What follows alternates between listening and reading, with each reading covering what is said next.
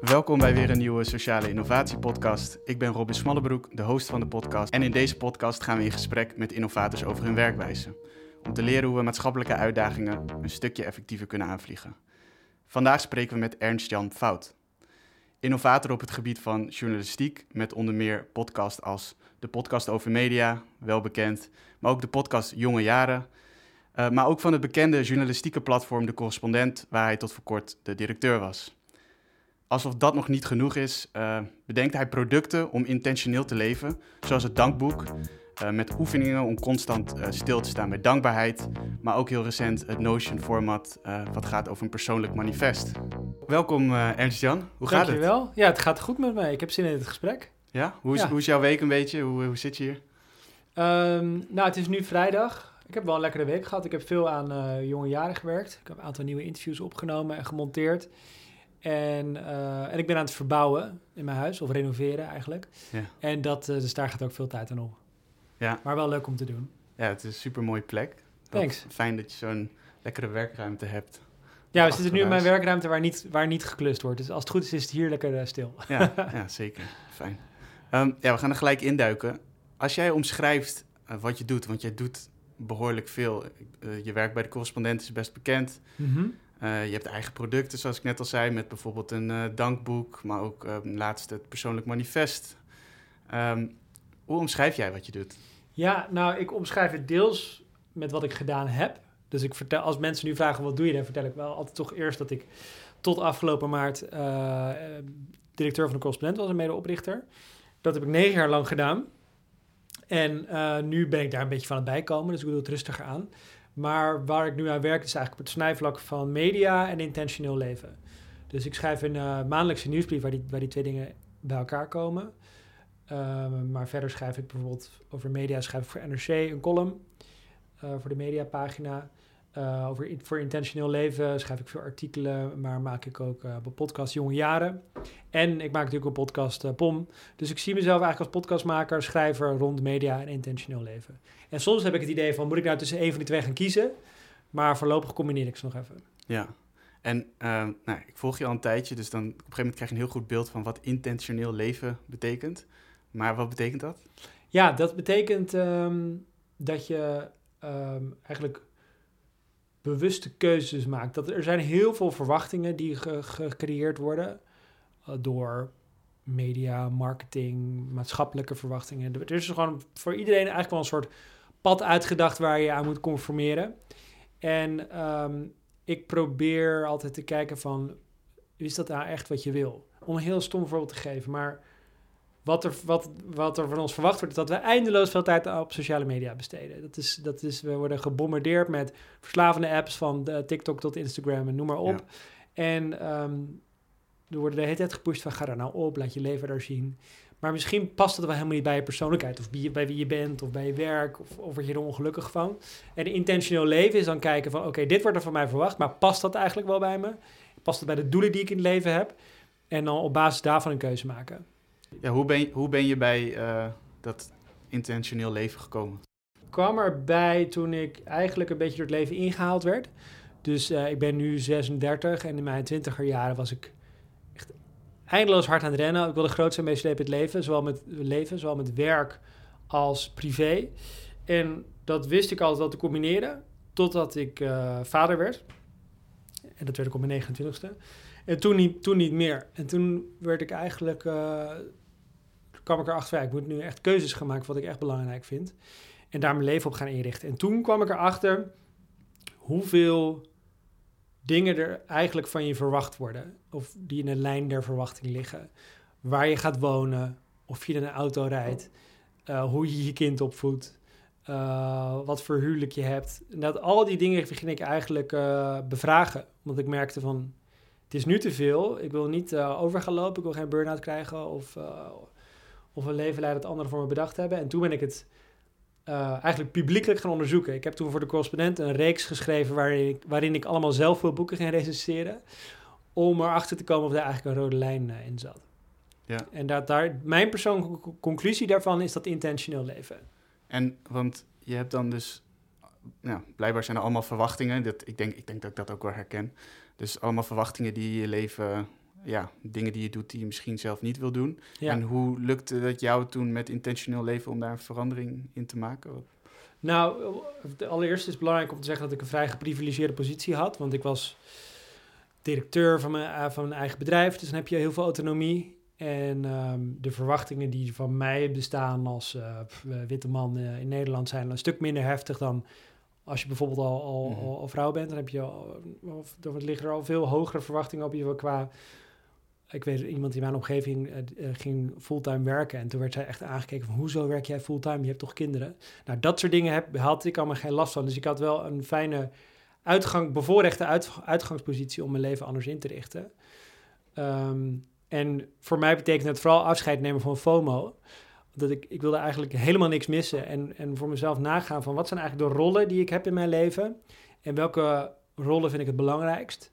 Dus dingen als eh, vader of eh, echtgenoot of vriend of ehm, ondernemer. Herkenbaar trouwens van je persoonlijk manifest dit. Die Ja, man, het manifest is daar een uitvloeisel van. Ik heb geprobeerd die methode op papier te krijgen, dat anderen ook wat aan hebben.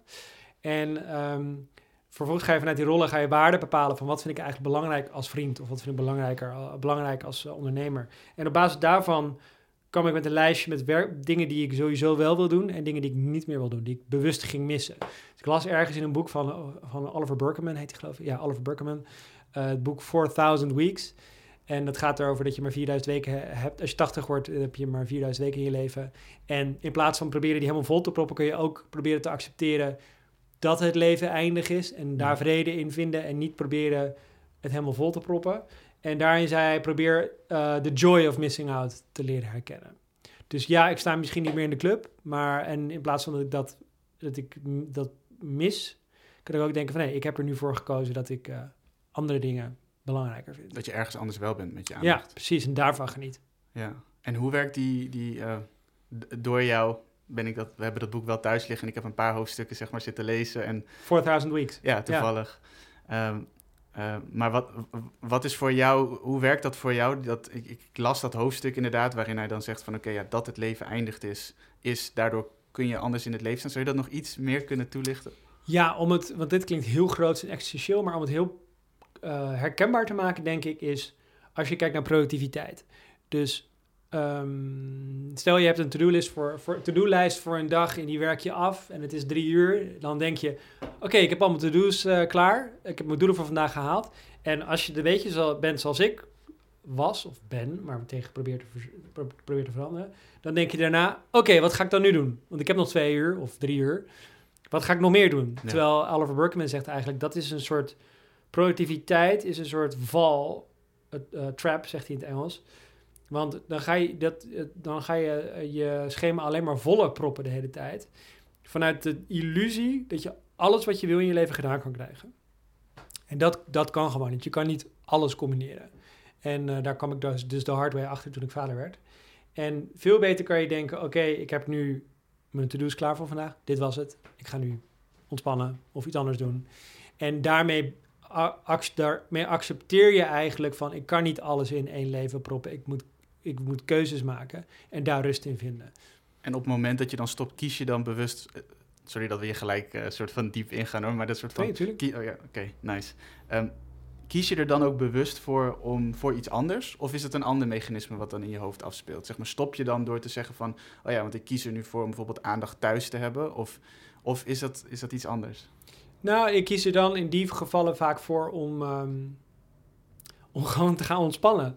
En dat klinkt heel, heel raar hoor, maar ik deed dat gewoon nooit. Ik moest altijd eh, efficiënt bezig zijn voor mezelf, nieuwe dingen bedenken, nieuwe, nieuwe dingen werken. Terwijl je kan ook zeggen van, eh, zo, zo, gewoon, zo is het even genoeg. En ehm, ik denk dat je dan, ten eerste geniet ik enorm van het ontspannen. En ten tweede, keer, ten tweede weet ik zeker dat ik daardoor ook niet eh, op ga raken. Ja. Geen, geen burn-out ga krijgen of zo. En is, is dat dan ook, want je noemt nu een burn-out, is dat dan ook iets wat je dat je inderdaad, je zei de hard way, dat je dan iets moet meemaken waardoor je dus dan ook denkt van, oh, dat wil ik niet. Want het, zeg maar, ik zit een beetje, te, ik dacht misschien komen we hier wel later op in het gesprek. Ja. Ook hoe, ja, hoe jij dat zelf ziet, dat intentioneel leven. Omdat ik zie zoveel mensen om me heen die maatschappelijk innoveren en dan torenhoge ambities hebben, eigenlijk daarin tegen allerlei systemen aanlopen, dus eigenlijk zichzelf eh, een soort van burn-outs Mhm. eh, terechtkomen. Soms zijn het niet helemaal burn-outs, maar het lijkt erop. Ehm, dus dan die, die stap die je benoemt, die klinkt heel eenvoudig. Van ja, maar ik ben gewoon gaan kiezen van, ik ben gaan ontspannen en ik heb besloten dat ik ook geniet van die ontspanning. Ik denk dat heel veel mensen die ook luisteren denken misschien van, wauw, ja, ik, ik heb dit nodig, maar hoe? Ja, want nogmaals, ik, ik zeg dat nu vanuit de bevoorrechte positie. Het is een stuk ingewikkelder als je, ik veel, een baas hebt. Of als je, wat ik nu... Ik heb nu natuurlijk nu ook de luxe dat ik kan terugkijken op negen jaar... waarin ik alles heb gegeven en nu mezelf toesta rustiger, even rustiger aan te doen. Maar wat lastig is, en als je maats- maatschappelijk betrokken bent... is, dat zag ik bij de correspondent ook... dat je een enorm verantwoordelijkheidsgevoel hebt. Want je wil Ja. je inzetten voor een betere wereld. En daar kan ook een soort schuldgevoel bij komen kijken als je dan daar niet aan werkt. Als je bijvoorbeeld besluit te ontspannen. En dus dat, dat is een, een lastig ding. En ik denk dat dat verandert gelukkig heel snel, omdat het nu zo'n wijdverbreid probleem is, burn-outs. Maar dat ook er intelligente gesprekken over kunnen voeren op werk. Ik heb die oude, dat oude beeld van hassel en maar doorgaan Ja. en eh, kijken wie het laatste licht uit doet. Dat begint gelukkig gedateerd te raken. Ehm, maar daar, daar- daar, daar moet je dus wel goede gesprekken over kunnen voeren met je manager of werkgever. Ook over de, waar ik zelf achter ben gekomen bij de correspondent door schade en schande, is dat dat was zo'n one big happy family die, die keihard aan een betere journalistiek werkt. En heel informeel en daar ook trots op was. Maar dat werkt op een gegeven moment niet meer. Eh, en dat zie ik bij heel veel start-ups om me heen. Ehm, op een gegeven moment werkt dat niet meer, omdat er te veel mensen werken. En eh, informele contacten betekent ook dat je dus eh, bijvoorbeeld de founder heel goed moet kennen. En als je die niet goed kent, dan val je met je buiten de boot, weet je nooit of je het goed doet. Ja. En kan je ook sneller een burn-out krijgen. Dus daar, daar ehm, ik denk vooral helderheid en het, het altijd bespreekbaar maken. En ook echt heel veel aan, wederzijdse aandacht, ook van de manager naar, manager naar eh, medewerker. Eh, dus sowieso elkaar een uur per week spreken bijvoorbeeld. Waar het alleen maar gaat over hoe gaat het en waar werk je aan. Dat dat super belangrijk is. Omdat je anders je allemaal in die val trapt. Dat je zo betrokken bent bij het grote onderwerp wat je wil veranderen. Dat het ten koste kan gaan van jezelf. Ja, en, en stel dan, ehm, ja, je hebt eh systemen inderdaad, zoals als je de correspondent even een systeem noemt of zo, weet je, al abstract, maar dat, dan, dan heb je het over 60 mensen en je hebt ook nog weer systemen, bijvoorbeeld neem een ministerie of iets. Ja, Weet je wel, dan wordt die uitdaging wordt nog groter. zeker. Hoe, Ja. hoe, hoe, hoe zie jij dat? Nou, ik heb daar weinig. Ik heb nooit bij een ministerie of bij zo'n groot bedrijf of bij een heel groot bedrijf of een grote organisatie gewerkt. Dus daar, ik heb daar minder ervaring mee. Ik zie wel dat ehm, in alle lagen van de maatschappij dit gesprek nu wel meer gevoerd gaat worden, omdat we natuurlijk meer burn-outs dan ooit hebben. Ja. Ja. Dus dat lijkt me een goed aanknopingspunt om het ook bespreekbaar te kunnen maken op de werkvloer. Ja, ja cool. Ja, dus dat, het, inderdaad, het zit natuurlijk ook niet alleen, je antwoord is een beetje van, het zit niet alleen in het persoonlijke leven, je moet ook dan op de werkvloer zelf, in dat Ja. systeem waar je zit, moet je ook het gesprek voeren. Ja. Ja, cool. En, ehm, en nog één keer terug, en dan gaan we ook even naar media en journalistiek, Mhm. zeg maar. Als je, als je het dan hebt over van, het lukt mij nu wel om te ontspannen, want jij bent, en correct me if I'm wrong, maar jij, jij bent best wel een do-gooder, zeg maar, een soort van je maatschappelijk veel gedaan. Zoals je ook zei bij die club, bij de correspondent. Wat, wat maakt dat jij dan bijvoorbeeld kan ontspannen? Nou, ik ben me wel bewust van geworden dat. eh, eh, kijk, er is niks mis met voor de offers maken voor een groter onderwerp waar je echt in gelooft. Dat is, dat is goed. Alleen als het ten koste gaat van jezelf, is er uiteindelijk helemaal niemand mee. eh, van, heeft niemand er wat aan. Zowel, zowel degene waar je voor strijdt en al jij zelf al helemaal niet. Ja. Dus ik denk ehm, dat het, eh, het goed controleren van je eigen energie, dat dat, dat dat heel belangrijk is. Dus ik zie dit nu ook. Ik kan nu gewoon meteen door gaan knallen. Ik, heb ik voel, denk ook wel dat ik daar. Ik voel daar nu de energie voor. Maar ik probeer mezelf ook een beetje in te houden. Want ik denk van ja, dit waren negen, negen vooral de laatste jaren, best wel pittige jaren. Daar wil ik even. Belangrijk om even na te kunnen denken, nieuwe plannen te kunnen maken. En niet meteen head first weer ergens in te duiken. Dus het is ook een soort bewust vertragingsmechanisme voor me. Ja, waarbij je dus echt stil kan staan bij het gevoel van... nee, wacht, ik heb grenzen. Ja, Ik heb grenzen, ja. Ja, of is dat het? Of ook, ehm, ik wil ook gewoon eh, bewust zijn van wat er om me heen gebeurt. Niet meteen weer doorkachelen. Dus ook bij voelen van, oké, wat heb ik geleerd? Waar zou ik nu aan willen werken? En niet meteen weer in iets... du- Dus ik denk dat het dat toch weer terugkomt bij intentioneel leven. Dat je dus bewust wil kijken van, oké, wat is nu het volgende hoofdstuk in mijn leven? Ah ja, precies. Het is, hoeft niet per se over terugkijken te zijn van oké, waar ligt mijn grens? Maar het kan ook zijn, wat, wat wil ik als Ja, volgende stap? Waar wil ik nu mijn energie aan gaan besteden? Thanks. Cool. Ehm, ja, en je, je, je maakt podcast. Want we zitten eigenlijk nog een soort van in de intro. maar, eh, maar je maakt, eh, je maakt een podcast. ehm, ehm, wat, en je hebt, eh, sorry, je hebt het journalistieke platform De Correspondent eh, ja, mede opgericht en directeur geweest. Ehm, wat doe je op dat gebied? Of hoe zie jij die, dat werk voor je? Wat probeer je daarin eh, te bereiken? Nu met mijn podcast? Ja. Eh, nou, mijn podcast is wel echt... een Podcast over media is gewoon is ontstaan zes jaar, zes en een half jaar geleden. Als eh, een manier om de kroeggesprekken die ik met mijn goede vriend Alexander Klupping voerde... om die op te nemen en omdat we er zoveel lol in hadden... en dachten van, nou, misschien dat andere mensen het ook leuk vinden. Dat bleek er iets meer te zijn dan we dachten. Dat is echt, zie ik echt als een soort uit de hand gelopen hobby. Eh, jonge jaren is een idee, die idee dat ik al heel lang heb. En dat gaat erover dat ik mensen vraag die, ehm, die een su- succes hebben in hun carrière, die doen waar ze vroeger van droomden. Ik interview hen over de tijd van voor hun succes. En omdat ik denk dat succes is een soort, ze hangt een soort mythe omheen. Terwijl ik vind het super interessant om met hen te ontleden van wat was de rol van geluk? Eh, wat, zijn, wat, wat zijn factoren die van belang kunnen zijn als je een carrière probeert vorm te geven? En daar leer ik superveel van. En ik hoop dat jonge luisteraars daar ook heel veel van hebben als zij nadenken over hun eigen carrière en het leven dat ze willen leiden. Een van de dingen die daar bijvoorbeeld uitgekomen is, we leven nu in een tijd waar iedereen een enorme haast voelt, waarin je snel carrière moet maken. Heb ik zelf ook, ook gedaan. En dat is op zich heel leuk als je de energie voelt, maar er kan ook een soort van angst achter zitten van, oh, ben ik niet te laat? Als, hoe oud was Mark Zuckerberg toen hij eh, Facebook begon? Echt Ja. vroeg in de twintig. En er, nu zijn er heel veel van dat soort tech bros die allemaal heel vroeg succes hebben gehad. Dan kunnen we allemaal door gaan denken van, oh, dan moeten wij dat ook. Terwijl de mensen die ik interview, die, die, ehm, die heel veel van hen zijn heel laat begonnen. Dus ik heb even niet de precieze leeftijden in mijn hoofd, maar bijvoorbeeld Adriaan van Dis schrijver was 39 toen zijn eerste boek verscheen.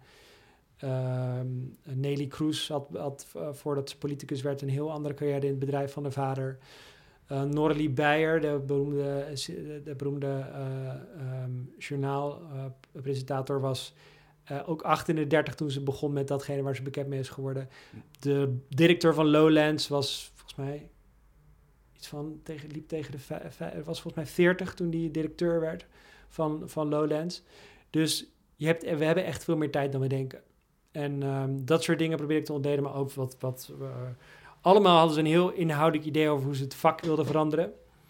En eh, dat is ook, dat is ook, dat klinkt heel vanzelfsprekend, maar dat is ook super belangrijk. Dat je weet dat niet je motivatie is van, oh, ik wil het maken, maar dat je motivatie is van, oh, ik wil dit veranderen in mijn vakgebied of dit veranderen in de wereld. En daar je werk op inrichten. Dus dit zijn een soort van twee keys die je daaruit hebt gehaald. Zo van, oké, het is een mythe dat mensen à la Mark Zuckerberg heel jong altijd zeg maar in één keer het, het oppakken en het doen. Ja, En, en de andere is, eh, je moet een inhoudelijk plan hebben en niet alleen iets wat je wil bereiken. Ja, je moet intrinsiek gemotiveerd zijn. Je moet het belangrijk vinden dat waar je aan werkt, dat dat verandert. En eh, daar kom je veel verder mee op een veel fijnere manier. Ja, Dus eigenlijk, of ik, ik probeer goed te luisteren in wat je doet. Jonge jaren, en zo had ik eigenlijk nog nooit naar gekeken. Ik dacht gewoon fijne interviews, ehm, die echt wel waardevol waren. Maar dat is eigenlijk weer intentioneel leven. Ja, ja. En gewoon persoonlijke fascinatie voor hoe mensen hun leven vormgeven. Ja, en hoe ze, Ja. hoe ze dromen die ze hebben waar proberen te maken. En als je de impact zou moeten omschrijven als iets... ehm, eh, nou ja, we moeten juist ook, begrijp ik uit het gesprek, we moeten het ook juist inperken. Dus zeg maar een beetje... eh, maar wat wil jij bereiken? Wat is jouw, eh, wat is jouw gedroomde impact als je aan het werk bent? Nou, dat is, de, ik heb dus heel lang, langer dan die negen jaar, want daarvoor deed ik het bij NRC. Daarvoor deed ik het met bloggen. Is, ik wilde journalistiek toegankelijker maken voor mijn generatie en jonger. Eh, omdat die, ehm, of dus echt inhoudelijke journalistiek toegankelijker maken. Omdat toen ik begon in dat vakgebied waren papieren kranten nog super belangrijk. En gingen alle groene journalistiek daarheen. Het enige wat je online kon lezen was nu.nl, wat nu een hele goede journalistieke site is, maar toen nog heel erg gewoon... Is dat eh, ondertussen een goede journalistieke Ja, website die heeft gewoon een goede redactie en zo. Oh, dat is in mijn hoofd nog steeds iets Ja, grappig. Dat, dat, dat, dat, had ik, daar liep ik ook mee dan tot ik laatst eh, de hoofdredacteur van nu.nl interviewde in POM. Ja. En die allemaal vertelde wat ze iemand doen. En daar, die, dat is wel echt een hele... eh, op lezers... Ze zijn heel erg gericht op hoe ze lezers kunnen helpen. En ehm, dat, die, eh, dat, dat, was mijn missie. Van ik wil journalistiek toegankelijker maken. Ik wil jonge mensen ermee bereiken. En ik wil dat de journalistiek ook helpt je de wereld om je heen te begrijpen. Dat het niet een soort van hyperige slotmachine is waar je een soort verslaafd aan raakt om te kijken wat er nou weer gebeurd is. Maar dat journalistiek je echt helpt om de wereld om je heen te doorgronden. Daar heb ik me dus erg voor ingezet. En ehm, nu weet ik het even niet. ik heb nu niet zoiets van, oké, dit wordt het grote nieuwe ding. Ik ben nu veel bezig met eh, naar intentioneel leven. Maar dat is ook meer, dat voelt, dat is niet iets waarvan ik denk, daar werk ik nu aan en dat wordt mijn grootste maatschappelijke impact of zo. Dat is meer een manier om zelf, dat is een lens waardoor ik zelf naar de wereld kijk en waar ik merk dat ik andere mensen wat aan hebben. Ehm, maar ik hoop wel altijd dat intentioneel leven een soort middel blijft om een ander doel mogelijk te maken, als je begrijpt wat ik bedoel. Nee, Dus- kun je dat uitleggen? Nou, ik, ik wil graag hierna weer, eh, als ik weer nieuwe ideeën ga bedenken en bijvoorbeeld een nieuwe organisatie of bedrijf begin, dan wil ik wel dat het een maatschappelijk probleem aanpakt. Hm. En intentioneel leven is voor mij een manier om zelf eh, meer impact te kunnen hebben. Eh, dus het is een, een soort gereedschap dat ik in mijn gereedschapskist heb liggen van als ik weet hoe ik moet werken, als ik weet hoe ik het kan combineren met mijn privéleven, dan kan ik uiteindelijk meer betekenen voor de wereld om me heen. Dus het is een middel voor dat einddoel. Ja. Maar het is niet een doel op zich. Ik wil geen uh, goeroe worden of zo. Ah, Oké. Ja, had, Ja. ook gekund, toch? ja, nee, tuurlijk. Ja, maar dat, eh, dat, ik heb niet de pretentie dat dat kan zijn, ook niet de wens om dat te doen. Het is meer, ik ben zelf bezig met hoe kan ik effectiever te werk gaan, maar en ook hoe kan ik meer bewust zi- zijn van wat ik al heb en daar meer van genieten. En dat mijn neiging is om dat altijd dan met anderen te delen. Maar ik wil niet dat dat mijn hoofdding wordt. Ja, je deelt je proces. Ja, eigenlijk. ja, heel goed gezegd. Ja, ik deel mijn proces. Ja. En ehm, je zegt hiermee eigenlijk ook dat die journalistieke ambitie, dat die een beetje soort van, nou ja, die hoorde bij een andere fase. Ja. Eh, hoe, hoe is dat afgesloten, zeg maar? Heb je echt dan het gevoel op een gegeven moment van, hier heb ik mijn, dit heb ik gedaan, eh, tijd voor iets nieuws, of van gelukt? Ja, eigenlijk, eigenlijk eh, ik zeg niet dat de journalistiek af is, verder van, maar het is wel echt heel veel, veel veranderd sinds ik eraan begon. En dat komt er niet door mij, maar het is ook de tijdsgeest die, die is veranderd. Als je kijkt hoe kranten nu, de krantenbedrijven, wat voor journalistiek die nu maken, hoe ze dat online presenteren. Er is gewoon nu heel veel goede journalistiek beschikbaar. En heel veel diepgravende journalistiek. En ehm, ik merkte voor mij dat daar een soort persoonlijke soort van verzadigingspunt zat van oké, hier heb ik me enorm voor ingezet. Dit gaat helemaal de goede kant op. Eh, de correspondent is een eh, gezond, goed lopend bedrijf met een grote impact. Ehm, ik wil dus tijd voor iets nieuws. Ook omdat ik merkte dat het leiding geven aan een bedrijf met 60 mensen, dat dat niet iets is waar ik energie uit haal. Heel erg aan, het opbouw, aan het op, de opbouwfase, maar niet nu een fase van consolidatie, duidelijkere structuren om daarna weer door te kunnen groeien. Daar, daar heb je volgens mij een ander type directeur voor nodig. Dus ik realiseer me ook dat het voor de correspondent beter is als ik een stap opzij zou doen. En je geeft net al aan van, ehm, ja, ik weet niet wat de volgende stap wordt, maar als je, vind je het oké om wat te delen, soort van wat je dan nu zoekt, zeg maar, ongeveer, in welk gebied? Of is dat... Is nou, dat ik zou het heel erg- graag doen, maar ik weet het oprecht nog niet. Ik zit, af en toe denk ik over onderwijs na bijvoorbeeld. Ik geef wel eens gastcolleges en ik merk dat ik daar enorm veel energie uit haal. Cool. Uh, maar ik weet niet of de meest impactvolle manier dan is met mijn skillset om dan alleen maar voor de klas te gaan staan. Ik denk dat ik misschien op een andere manier meer zou kunnen bijdragen. Ehm, nou ja, sociale ongelijkheid is een onderwerp wat mij erg aangaat. Uh, de, het behoud van deze aarde. Dus oh, weet je, het zijn geen wereld. Ik bedoel, iedereen is, denkt over deze thema's na, maar ik heb nog niet daarin. Het moet een soort van klikken op een gegeven moment dat je ziet van, oh, daar er is een groot probleem. Daar, daar, dat valt uiteen in honderden subproblemen. En in een van die subproblemen past heel erg goed bij mijn skillset, dus daar ga ik aan werken. Ja. En ik gun mezelf wel gewoon de tijd om, daar, om daar, dat te ontdekken. Ik wil geen haast daar nu mee maken. Ja. Ja, dat vind ik al heel knap. Ik zit nu zelf te denken dat ik... Ik was laatst ook weer bezig met een verkenning van dingen. En als ik, ik vind het vet hoe jij er dan over praat. Want ik was een tabel gaan maken in Notion... omdat Char, mijn partner, zei... Doe maar rustig aan, ga maar, maak er maar eerst een verkenning van. Je hoeft het nu niet te weten. Mhm. En vervolgens was ik twee weken als een soort jekko... was ik soort van 30 verschillende opportunities en alles... en eh, aan het raten hoe goed Ja. dat was en zo. Dus dat is eigenlijk super... Oh, maar ik heb dat ook hoor. wat je moet doen, toch? Dat, ja, maar ik, ik denk niet dat ik hier als een soort zen-boeddhist zit. Ik heb ook... eh laatst had ik nog een fase dat ik helemaal gefocust was op... ik wil een nieuwe onderneming beginnen en... dat ik heel veel onrust voelde, maar niet, het niet richting kon geven van... oké, waar gaat wat voor bedrijf gaat het dan worden? Eh, of wat voor organisatie gaat het worden? En eh, dus ik heb toen ook weer twee weken lang soort heel veel onrust gevoeld. eh, ook gekke notions gevuld met allemaal ideeën. En dat ik da- dacht van, wa- waarom in godsnaam? Waarom, waarom maak ik zo haast? Dus ik heb nu bedacht dat ik volgend jaar, 2023, dat ik ehm, gewoon de, de tijd wil nemen om te gaan schrijven. Omdat ik weet, als ik ga schrijven, dat is mijn manier van nadenken. Dus dan kom ik op nieuwe ideeën. En eh, dan moet het op een gegeven moment wel komen. Maar dat is niet gezegd dat, je- dat je mij nu een jaar lang heel rustig achter dit, deze schrijftafel gaat zien zitten. Ik ga ook, ook nog eh, de dipjes en, en, en, eh, en fases van onrust door. Dus ik, ben, ik voer dit gesprek, ik praat ook tegen mezelf van, ik probeer ook mezelf te bezweren van dit is hoe ik het wil doen. Ja, Ja. natuurlijk ben ik ook ongeduldig. oké.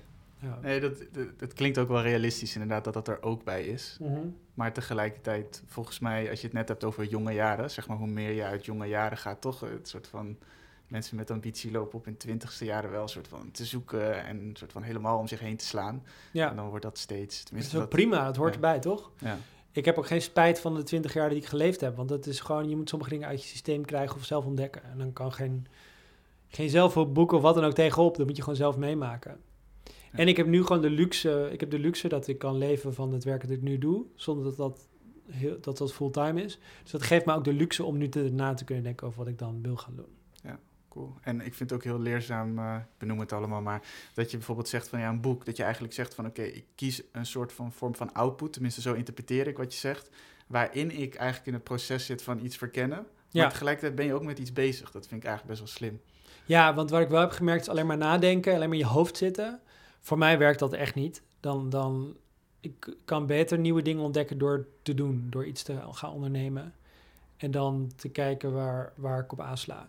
Ja. En ik weet als ik ga schrijven, dat ik moet nadenken over nieuw, dat ik mezelf dwing over nieuwe ideeën te formuleren. En dat daar wel dat vertrouwen heb dat daar iets uit voortkomt. Ehm, een hele andere vraag, waar eigenlijk de, een beetje de kern van de podcast normaal gesproken ligt. Ik ben heel erg benieuwd. eh, je doet veel dingen en veel dingen lukken ook. Eh, dus ik ben eigenlijk heel erg benieuwd van, eh, heb jij een kijk op wat voor jou principles zijn in je werk? Of ja, een soort van, is er een soort lijn te zien in de manier hoe jij dingen aanpakt? Waardoor je denkt, oh ja, dat, dat, dat werkt voor mij en daardoor ben ik, is het uiteindelijk gelukt om ook dingen te gaan leveren en dingen te, te delen met mensen die ze dan weer oppakken. Ja, nou ja, eh, even denken. Ehm, dus wat, wat ik vaak doe is het proces delen waar ik mee bezig ben. Dat heeft als voordeel dat ik zelf dus ook daardoor lijnen in ga ontdekken. En waar ik nu van heb, je noemde het net al even als een persoonlijk manifest. Dat heb ik begin dit jaar, dus begin 2022, geschreven. En eh, dat is een document waar je eigenlijk in ontdekt van wat zijn, wat je net zei, de principes die voor mij werken. En ehm, het geeft heel veel inzicht om, voor, om, er, om er, er voor jezelf achter te komen wat je motiveert, wat bij je past. Ehm, en wat je belangrijk vindt, waar, wat je drijft. Omdat er de hele tijd, best bij iedereen denk ik, aan je getrokken wordt met hy- hyperige dingen waar je dan achteraan moet. Oh, moet ik nu, weet ik veel, een TikTok-account beginnen en daar, eh, daar een hele grote volgerschade opbouwen? Of moet ik nu in AI gaan werken omdat dat helemaal de shit is? Of een Ja. jaar geleden in crypto, I don't know. Terwijl als je weet van dit is belangrijk, hier wil ik, ehm, dit wil ik toevoegen aan de wereld, kan je veel beter dan kijken wat, wat zijn dingen die, die bij me passen en waar ik echt wat kan betekenen. Dus ehm, in de media die ik maak, vind ik het bijvoorbeeld heel belangrijk dat, ik, dat het tijdloos is. Dus een aflevering over van jonge jaren kan je over ehm, twee jaar als het goed is ook nog luisteren. Of de teksten die ik schrijf, die probeer ik ook, de, de langere artikelen die ik schrijf, probeer ik ook ehm, zo te maken dat je daar over een paar jaar, dat je over een paar jaar nog steeds wat hebt aan een persoonlijk manifest bijvoorbeeld, of aan Ja, een dankboek. ja. Het dankboek is nu vijf jaar oud, het wordt nog steeds verkocht, omdat het nog steeds relevant is. Dus die tijdloosheid vind ik belangrijk. Tegelijkertijd kwam ik er wel achter dat dat hard op nadenken, dat dat voor mij heel belangrijk is. Dus dan weet ik van, oké, ik moet ook wel dingen inrichten waar ik hard op nadenk. En dat is bijvoorbeeld eh, POM, eh, die podcast met die ik met Alexander Klupping doe. Daar, daar, daar, daardoor kom ik op nieuwe ideeën, die ik vervolgens wel weer kan omzetten in tijdloze content. Dus door zo te analyseren van wat wer- welke componenten werken van mij, hoe kan ik zo mijn werk inrichten. Ik heb dat letterlijk eh, uitgeschetst. Ik kan er nu niet bij, want er zit een microfoon voor mijn laagje. Maar dat kan ik je wel eens laten zien. In een soort van overzicht van eh, dit is waarom ik het doe en, en dit is hoe het elkaar versterkt. Een soort persoonlijk vliegwiel. Ja, en hoe kwam jij bij het punt dat je wist van oké, zeg maar, wat is de opbouw dat je weet van oké, tijdloosheid, dat is iets dat hoort bij mijn way of living, zeg maar. Ja, omdat ik merkte dat. eh, hoe kom ik daarachter? Goeie vraag. Omdat ik merkte dat. Het spreekt mezelf heel erg aan. Als ik, dat ik media tot me neem waarvan ik merk. ah, dit is echt. Dit is niet, gaat niet over een of andere. Wat het Elon Musk met Twitter doet of zo. Maar over iets wat daarachter ligt. Eigenlijk de onderliggende factoren. Dus om het voorbeeld van Elon Musk en de Twitter-hype te gebruiken. Ik heb daar nu laatst een interview gemaakt met een vrouw die Gillian York heet. Ze is Amerikaans en ze woont in Berlijn. Ze is privacy-activist en content-moderatie-specialist. Dat klinkt super saai, maar is super belangrijk. Want het gaat erover dat eh, wereldwijde gesprekken die wij voeren... vinden allemaal plaats op Facebook, Twitter, Google. Allemaal platforms die in eh, handen zijn van bedrijven. En zij schrijft er eigenlijk over hoe... ehm, hoe belangrijk het is dat zij onze gesprekken goed modereren. Voor de, echt voor de veiligheid van mensen, maar ook voor de kwaliteit van het pu- publieke debat dat wij voeren. Als je zo'n boek, dat boek, kan je, daar kan je nu meer van leren over wat er aan de hand is met Elon Musk en Twitter, dan als je het nieuws volgt. Ja. Dus ik merk ook zelf dat me dat, dat media die gaan over dingen, over de onderliggende stromen, over de onderliggende structuren, dat me die veel meer aanspreken. En eh, daarom probeer ik zelf ook dat zoveel mogelijk dat soort media te produceren. En dat is dan, eh, dus je merkt, oké, dit spreekt mijzelf aan. En eigenlijk dat maakt ook dat je kan zeggen van in het persoonlijk manifest, dit is iets wat voor mij werkt. Ja, dus ik heb dit, dit letterlijk in mijn persoonlijk manifest staan. Ja, cool. Ja. En het tweede ding was, ik zat even na te denken, Hard op nadenken. hardop nadenken. Hoe kom je daarbij? Eh, ja. Nee. Je was heel close. Ja. Eh, dat, daar, dat, ja, hoe, dat is gewoon een patroon dat ik op een, gegeven moment, op een gegeven moment ging herkennen. Dus toen ik 21 was, toen wist ik dat ik journalist wilde worden. Toen ging ik stage lopen bij een persbureau in de Verenigde Naties in New York. En toen dacht ik, oké, dit is het moment waarop ik Nederlandse kranten kan aan gaan schrijven en kan gaan zeggen, joh, zoeken jullie nog een correspondent in New York? En al die kranten, onder, waaronder mijn favoriete krant op dat moment, NRC Next, stuurde me een afwijzing van nee, je bent te jong of dit is te particulier, dat gaat het niet worden. Hm. En toen ben ik een, in mijn hoofd althans een eigen krant begonnen. Toen dacht ik, oké, dan ga ik zelf wel schrijven. Toen ben ik een blo- weblog begonnen. Zo noem je dat toen nog, een weblog. Dat was 2006. Ehm, waar ik ging schrijven over hoe het vak van journalistiek veranderde en hoe ik zelf journalist wilde worden. En dan ging ik bijvoorbeeld in New York, toen ik daar eenmaal zat, alle correspondenten interviewen. En die blog werd een heel groot succes. In de zin van dat ik ervan kon leven op een gegeven moment. En als student.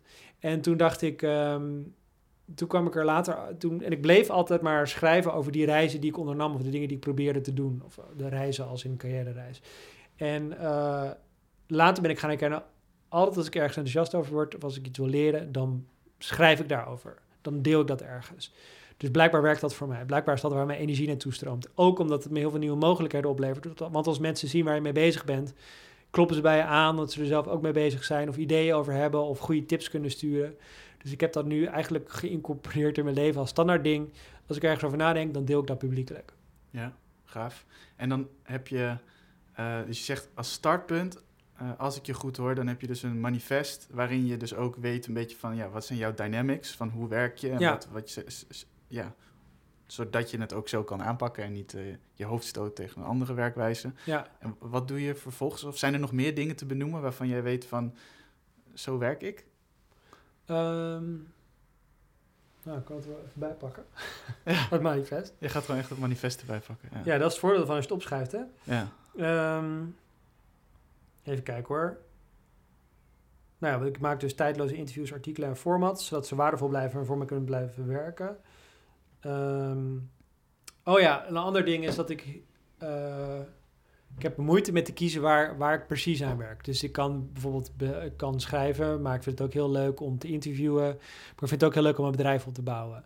En ik had vroeger altijd gedachten van, oké, ik moet ergens tussen kiezen. Wat word ik? Word ik schrijver? Word ik interviewer? Word ik... Deze keuze klinkt, klinkt heel herkenbaar inderdaad. Oh ja. Dat hoor je veel. Ja, ga ik zakelijk weer eh, aan de bak? En dus toen dacht ik van, waarom dwing ik mijzelf eigenlijk tot een keuze? Je kan ook zeggen, die combinatie maakt je concurrerend, maakt je uniek. eh, dus of concurrerend of, of eh, heel waardevol voor, voor een organisatie of voor een idee. Dus in plaats van dat ik mezelf dwing te kiezen, kan ik veel beter bekijken naar waar kom ik op uit als ik al, als ik al die interesses of vaardigheden van combineer. Ehm, dus daar, ik heb in dat werkprincipe staan dat ik dus probeer te kiezen voor projecten waar die drie vaardigheden van mij samenkomen. En dat ik ze dus niet laat concurreren met elkaar, maar elkaar laat versterken. Nou, dat geeft heel veel rust om dat te weten. Ja, want dit klinkt ook als een van die mythes, net als van dat je heel jong succesvol moet worden, ook dat je een soort van, een soort van één keuze moet maken van, oh, dit ben ik. Ja, en ik denk niet dat je die keuze moet maken. Ik denk dat bij sommige mensen die ik voor jonge jaren interviewde, wordt of die keuze voor hen gemaakt, in de zin van dat ze maar dat Nazarin Char wilde altijd acteur worden. Typhoon wilde altijd Mhm. een vernieuwende hip-hop artiest worden. En die hebben nooit last gehad van, goh, waar moet ik voor kiezen? Die hebben gewoon een laserfocus gehad. Eh, ook, al, ook al bracht het leven hen soms op andere paden. Dus Nazarin Char heeft eerst nog een zakelijke studie gedaan, omdat het die verplichting naar zijn ouders toe voelde. Maar hij wist altijd... trouwens, maar Oh, ja. even terughalen. Ja. Dus hij, maar wist ondertussen altijd, maar ik word acteur. Dus ik wil, dat is mijn passie. Hij bleef, stopte er nooit mee. Terwijl andere mensen die dan, zoals ik, die, die zijn veel meer bezig met, oké, ik vind al die dingen leuk. Ehm, dan hoef je niet opeens een Nazarene chart te worden. Dan kan je ook denken van, nou, oké, dit is blijkbaar mijn pakket. Ik vind heel veel verschillende dingen interessant. Zoals Wilfried de Jong, de eh, bekende presentator, maar ook als theatermaker, maar ook als journalist en ook als muzikant. Die, doet al, die, die heeft een leven gecreëerd waar hij dat allemaal in samen laat komen. Of een Paul de Leeuw net zo goed. Die, die heeft ook allemaal van dat soort verschillende eh, dingen. En dat, dat gaf mij wel rust van, ja, je kan ook voor kiezen om die dingen gewoon te combineren. En dan zul je nooit, weet ik veel, de beste acteur of de beste zanger worden. Maar eh, je hebt wel een soort uniek nieuw pakket. En daar dat ook oké vinden, daar, dat geeft mij heel veel rust. En plezier. Gaaf. Ehm, en dan een beetje een vraag vanuit een, waarvan ik niet zeker weet of die ja, helemaal zeg maar, toepasbaar is. Op Ja. het moment dat je zo ondernemend bent en zeg maar, zelf vaak ook sturend, bijvoorbeeld eigenaar of eh, directeur. Ehm, in, eh, in, bijvoorbeeld in innovatieland is het, gaat het vaak over ehm, eh, design research, user, user interviews. dus eigenlijk gaat het heel veel over begrijpen, oké, wat wil die doelgroep? Ja.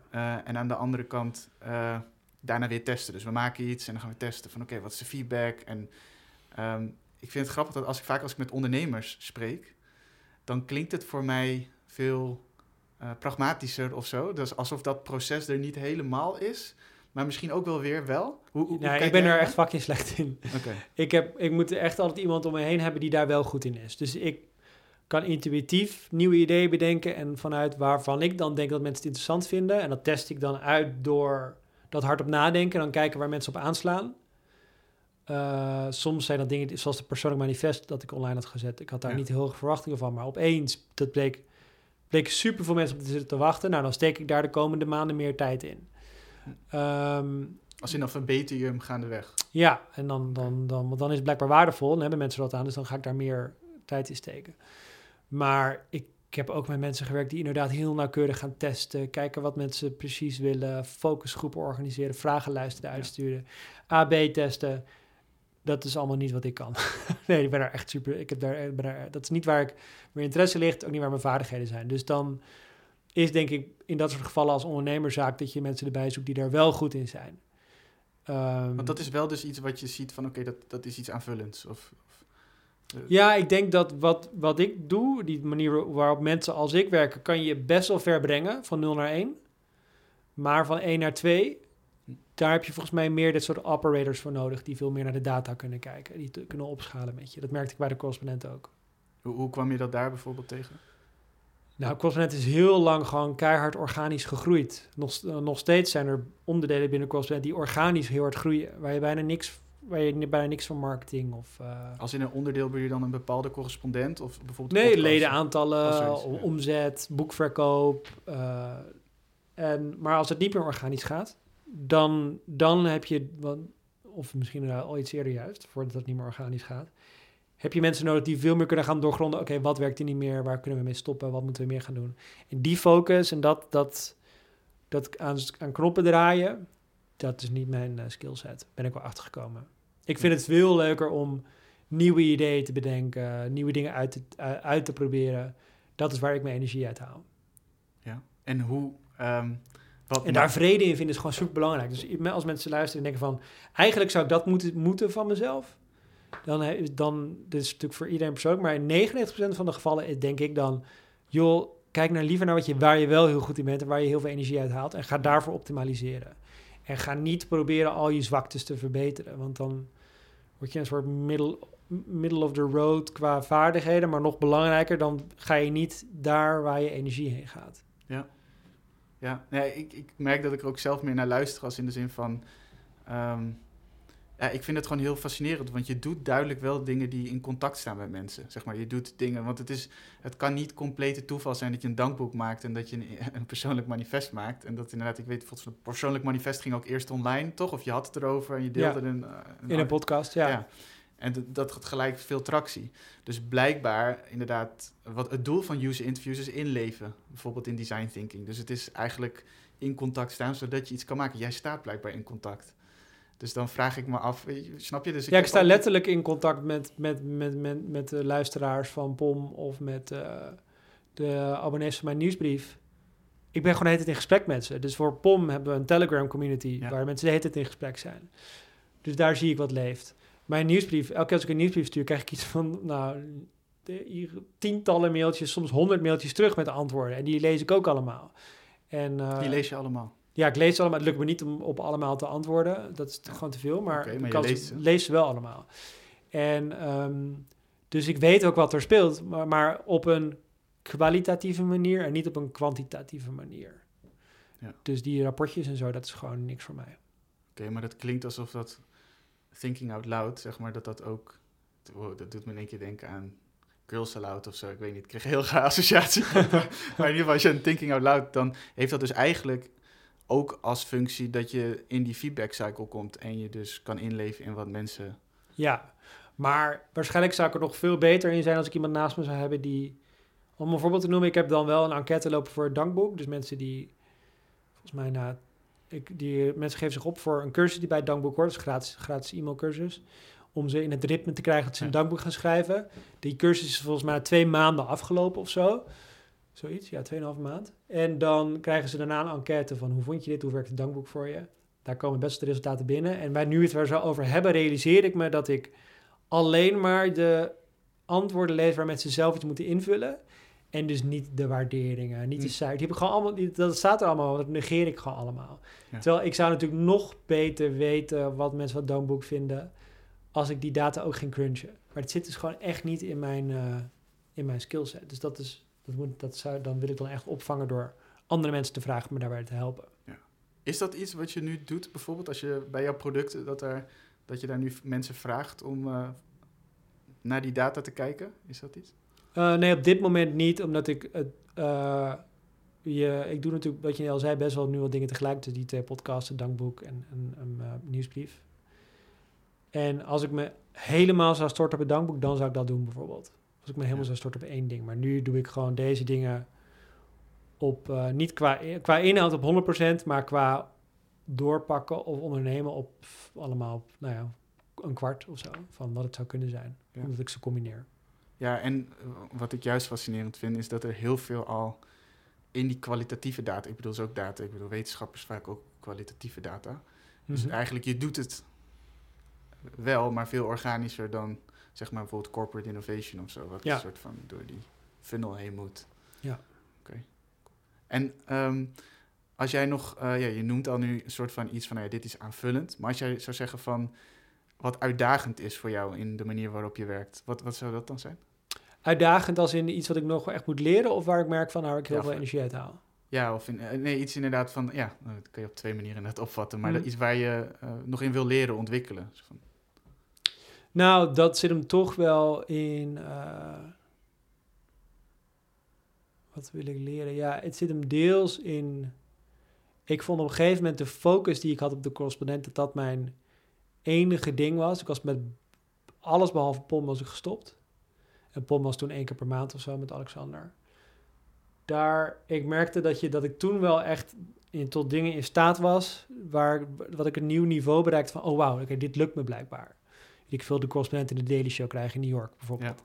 Daar heb ik een jaar lang aan gewerkt om dat voor elkaar te krijgen. En ik dacht van dat soort dus wat ik, waar, wat ik zou kunnen leren is vaker zo'n focus voor mezelf organiseren. ik ben nu al over the place. Dat mag nu ook van mezelf. Maar ik weet dat als je ergens echt diep induikt, dat je dan een soort van onbekend terrein tegenkomt. Dat kan bijvoorbeeld ook cognitief zijn. Ik wil, daarom wil ik volgend jaar gaan schrijven. Omdat ik dan weet, als ik nu als ik ga schrijven en ik ga bijvoorbeeld hoofdstukken of lange artikelen schrijven, dan ga ik gewoon nieuwe, nieuwe gedachten ontdekken. En dat heb je niet als je alleen maar op de korte baan zit. Als je alleen maar tweets of blogposts schrijft of nieuwsbrieven schrijft. Als je echt ergens induikt, dan weet je, oké, ik ga nu nieuwe, mijn persoonlijke grenzen verleggen. Dus dat zou ik wel willen leren de komende tijd, hoe ik dat meer kan doen zonder dat er de druk van een bedrijf erachter zit, zoals bij de correspondent het geval was. En wat, wat werkt over het algemeen voor jou om in zo'n, in zo'n focus, uh, state of mind te komen? Het uitspreken, dus toen ik net gestopt was bij de correspondent, ging ik als een idioot de maand daarna allemaal afspraken, allemaal opgespaarde koffietjes, hm. eh, andere uitnodigingen, andere dingen die ik zelf graag wilde doen, ging ik doen. Waardoor ik mezelf echt over de, echt over de kop werkte. Toen dacht ik van, wat ben ik nou een godsnaam aan het doen? Toen heb ik een, een verschrikkelijke auto-reply aangezet op mijn e-mail. Ehm, waar ik door mijn vrienden heel erg om uitgelachen ben, maar waar ik zelf veel aan had. Dat was, um, dat had ik in een boek ergens gelezen, volgens mij van George, George McEwen, uh, Essentialism heette dat boek. Oh ja. En die had het over monk mode, dat je dan je afsluit en, en je verdiept in een bepaald, dat je je er verdiept, maar dat je dus een autoresponder schrijft waarin je zegt op je e-mail, ik ben in monk mode, ik ben nu, ik stort me nu ergens helemaal op. En dat uitspreken, dus die, die, die verwachting creëren naar de buitenwereld toe helpt mij vervolgens heel erg om mezelf uh, vervolgens daarnaar te gaan gedragen. Dus ik organiseer eigenlijk mijn eigen. Mijn eerste blog heet de Spotlight Effect. Spotlight Effect is dat je uit de theorie uit sociale psychologie dat je je eigen zichtbaarheid overschat. Dus ik probeer af en toe het Spotlight Effect voor me te laten werken. Want mensen zijn helemaal niet mee bezig dat ik in monk mode ben, maar ik dan ben dan wel bezig met van oké, dat is nu de publieke perceptie van mij, dus ga ik daar naartoe leven. Dus nu spreek ik ook uit dat ik volgend jaar, in 2023, dus, uh, wat is het, drie dagen per week ga schrijven. En dat zal ik vast ook weer in autoresponder zetten, tot afschuw van mijn vrienden. Waardoor ik weet van, oké, ik heb het nu uitgesproken, dan ga ik het ook doen. Dus het is een soort van, nou, weer hardop nadenken, hardop dingen uitspreken, helpen mij gewoon enorm. Wow. Kunstmatige deadlines, ook zoiets. Dus als ik, uh, ik vraag altijd mensen om een deadline als we iets gaan doen. Ook al is dat misschien niet nodig, omdat het gewoon altijd een stok achter de deur is van, oh ja, daar werk ik naartoe klinkt ook voor mij een beetje als uh, grip en accountability partner. Ja, heb ik ook. ja. ja. Dus dat je wekelijks met iemand belt om elkaar te bevragen hoe het gaat. Ja, precies. Ja, ik doe dat ook elke maandagochtend, oh, cool. dinsdagochtend. is dat waardevol voor je? Ja, super waardevol. Ik moet wel zeggen dat het steeds meer over tijd is gaan... Gesprekken zijn geworden over balans. Juist, mm een soort van dat we elkaar aan het bewaken zijn. Ja. Ehm, en dat het ook daarin wel, we waren al vrienden, maar dat het nog vriendschappelijker wordt, zeg maar. Dus dat dat ook, dat echte harde accountability, uh, dat is er dan wat minder bij of zo. Want wat is harde accountability in je hoofd? Van uh, heb je die deadline gehaald of zo? Of haal je je doelen of dat soort dingen? Ja, goede vraag. Want de accountability balans is ook super waardevol, toch? Ja, ja, eens. Dat, is, dat klinkt dan misschien niet hard, maar het is wel uh, belangrijk. Nou, laat ik het zo zeggen van uh, bijvoorbeeld, uh, ik zou niet weten, uh, jij, hebt vaak, jij hebt je boeken heel scherp. Ik, ik weet even niet, er is zo'n boek en die heeft dan over productivity, hebben ze het over bijvoorbeeld meetings door de helft. dat is ook zo'n bekend boek. Ja. Um, nou, dat zijn van die dingen dat ik, als wij scherp zijn naar elkaar in een accountability meeting, dan, dan, dan zullen we daar ook scherp zijn op elkaar. Van oké, maar je hebt je week er zo uitzien, kan je, niet, kan je dat niet korter maken? En op het moment, ik heb het gevoel wanneer we ons iets te sociaal insteken bijna, dan gaan we meer zorgen voor elkaar. Dus dan wordt het een soort van een gesprek, omdat we beide hele ambitieuze mensen zijn. Dus dan wordt het een gesprek over van, hey, zorg je wel dat je, hoe, ben je bezig met je slaapritme bijvoorbeeld? Of hoe ben je maar dat klinkt toch heel gezond, dat je dan, Je hebt geen aansporing nodig op ambitie, maar je hebt gewoon aansporing nodig op uh, leef je wel gebalanceerd genoeg. Dus dan is het toch heel goed dat je daar een accountability partner op hebt. Ja, misschien wel inderdaad. Misschien zat een beeld in mijn hoofd dat daar een soort van gek uh, negatief beeld of zo in zit. Nou, dat klinkt uh, super waardevol. Maar ik, heb, ik denk ook bij heel veel dit soort dingen is het gewoon app en, app en vloed. Weet je wel, soms dus als ik naar de gesprekken die ik met mijn accountability partner voer, soms is het heel erg, zijn we fases elkaar aan het aanmoedigen van zorgen dat je dat haalt. Het is dit je zo belangrijk, maak daar tijd voor vrij. En som, in sommige periodes van onze leven, dat doen we nu een paar jaar, is het veel meer inderdaad van let op, doe rustig aan. Zorg dat je meer ontspant of neem hier en hier de tijd voor. En het hoeft dus wat mij betreft ook niet altijd één constante te zijn. Het kan juist eb en vloed zijn. En daar gewoon vrede mee hebben is denk ik heel waardevol. Ja. Ja, dat is misschien ook wel een wijsheid die ik persoonlijk uh, af en toe wat meer mee mag nemen. Dat het even vloed is. Ja. ja. Je hoeft niet altijd aan te staan, toch? Ja. Thanks. um, ja, ik wil eigenlijk een beetje richting de, de, de afronding. Ik heb altijd een soort afrondende vraag. Maar eerst misschien nog aan jou de vraag. Heb je nog iets dat je denkt van, nou ja, dit zou ik nog echt willen meegeven aan dat zou ook een afrondende vraag kunnen zijn. maar als je nu denkt van oké, er zijn bijvoorbeeld veel social designers of uh, business innovators die graag maatschappelijk willen innoveren. Heb jij nog een soort van iets dat je daar graag uh, aan kwijt zou willen? Nou, dan uh, we denken.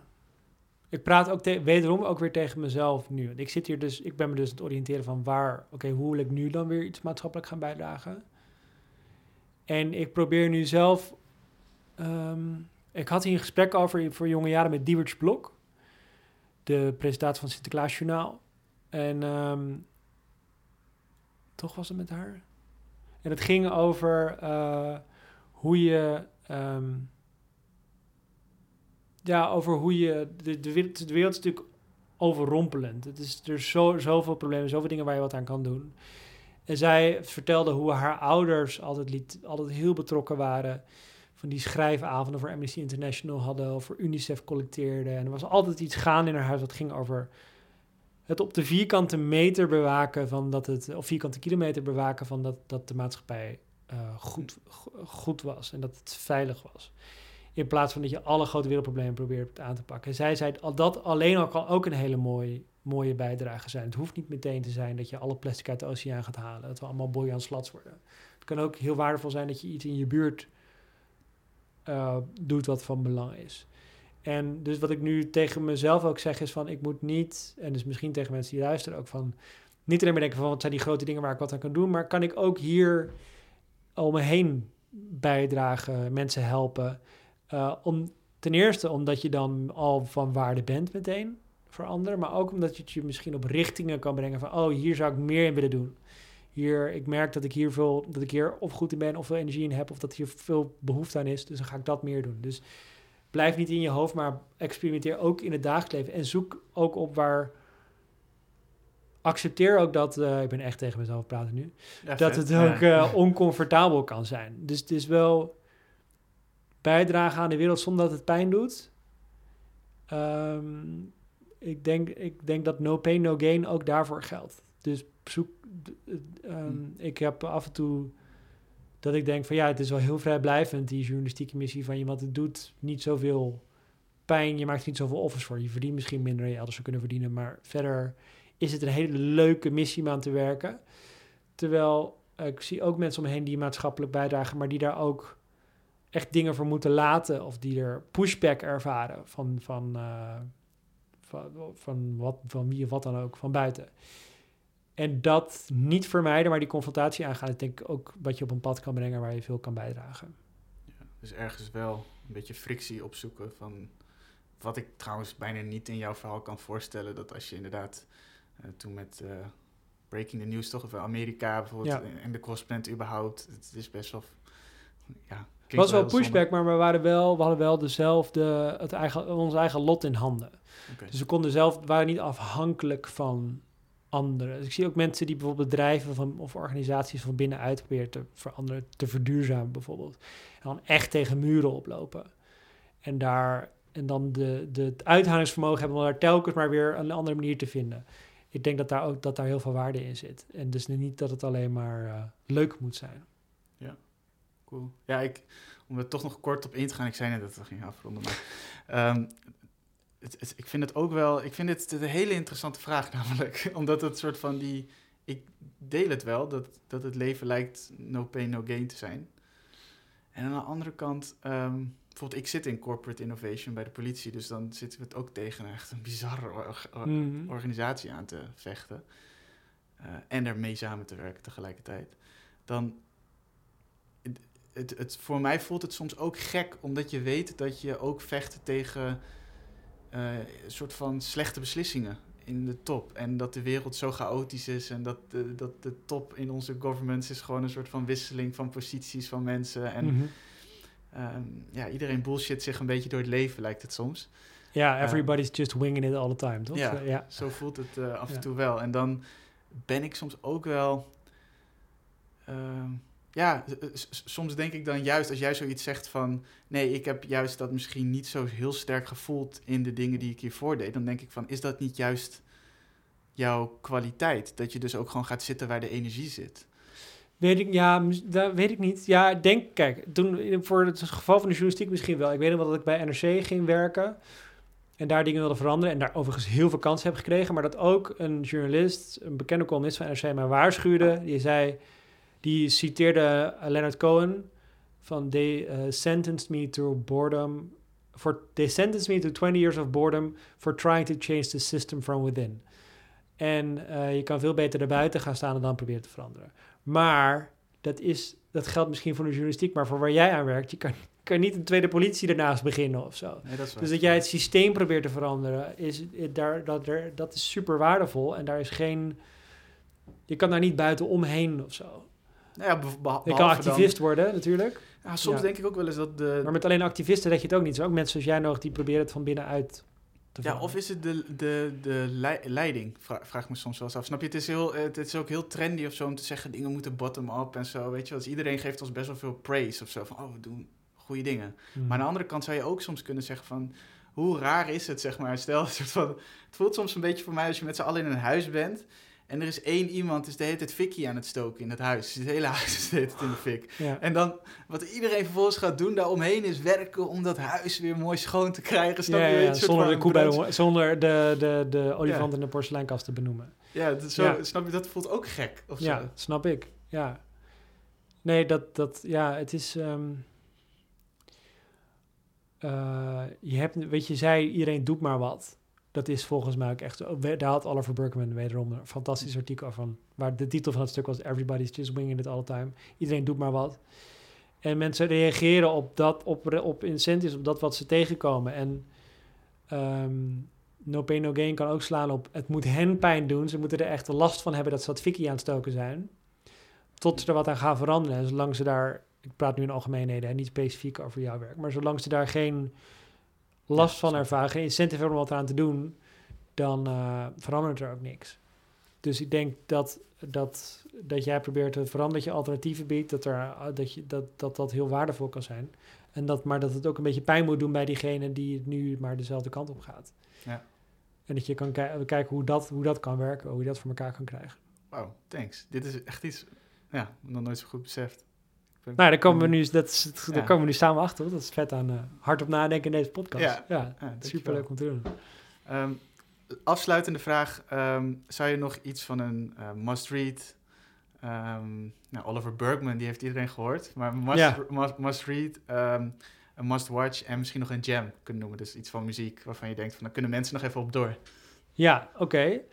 Nou, wat ik... eh, mijn must watch en must jam hangen... Of mijn must, must watch en jam hangen samen. Ehm, we hebben het ook wel, we hebben het best wel gehad over complexiteit en hoe, hoe samenlevingen in elkaar steken of organisaties. En er is één seriemaker die dat niet, die kan dat zo ontzettend goed vatten. Dat is een Amerikaan, Dave, David Simon heet hij. Zijn beroemdste serie is The Wire, staat op HBO.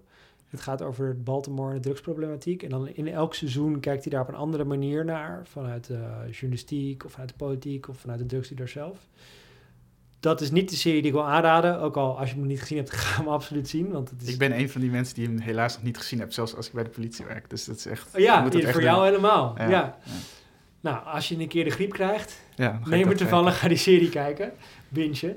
Eh, of maak er gewoon lekker tijd voor uit. Het is echt, echt super leerzaam en heel uh, geweldig om te kijken. Maar de serie die ik wil aanraden, waar de politie ook een grote rol speelt overigens, is ook van hem. Die heet Treme.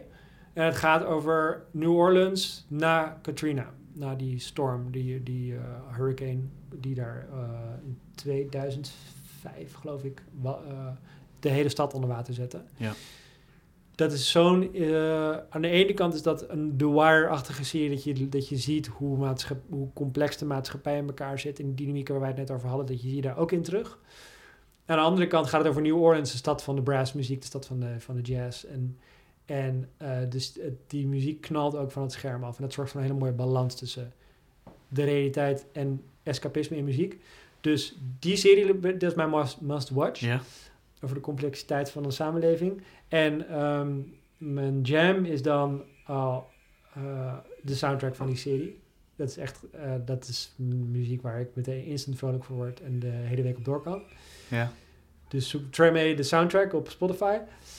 En must read um, is denk ik uh, is een nieuwsbrief van Pepijn Vloemans heet hij. Oké. Okay. En de nieuwsbrief heet het principe van optimisme, geloof ik. Um, maar als je naar mijn site gaat en naar Pepijn zoekt, dan vind je het sowieso. Um, ik kan het waarschijnlijk ook in je show notes zetten. En dat is een nieuwsbrief over vooruitgang. Uh, met ook een technologische blik erop. Dus hij kijkt best wel contrair naar vooruitgang. Als we het hebben over bijvoorbeeld duurzaamheid, gaat het vaak over minder, over duurder, dingen duurder maken, minderen, consuminderen. Dit heb ik in je nieuwsbrief gezien. Ja, ja, ja. en dat ja. stond in mijn laatste nieuwsbrief. En hij schrijft heel vaak over, maar wat we moeten in overvloed denken, in voorspoed, door technologische innovatie. Want we, vroeger verlichten we onze huizen met walvisolie. kan je het je voorstellen. Wow. En nu, de oplossing was niet om walvisolie duurder te maken, zodat mensen er minder uh, licht aan gingen doen en er minder walvissen dood worden, hoeven te worden gemaakt. Ja. Nee, de oplossing was een nieuw uh, was bijvoorbeeld elektrisch licht. Ja. Uh, en um, dus hij, ik vind zijn nieuwsbrief super inspirerend daarover. Cool. Ja, dat lijkt me heel interessant, want dit is ook een beetje de hele discussie toch rondom Tesla-auto's. Dat als je nu nog kijkt met material sourcing en zo, dan is het eigenlijk nog heel erg vervuilend. Maar uiteindelijk electrifying de industrie, dat is wel de oplossing. Dus dan is het ook een soort van... Ja, die materialen kunnen waarschijnlijk ook telkens weer efficiënter en beter. Ja. En daar, daar schrijft hij heel interessant over, door, door nieuwe technologieën. Pepijn Vloemans. Ja. Oké. Okay. Nou, dan wil ik je heel erg bedanken voor dit uh, gesprek. Ik vond het enorm heel graag waardevol. Dus, Mooi. Ik vond het ook super leuk om het gesprek te voeren. Cool. Dankjewel. Dankjewel. En iedereen ook bedankt voor het luisteren. Tot de volgende. Ciao.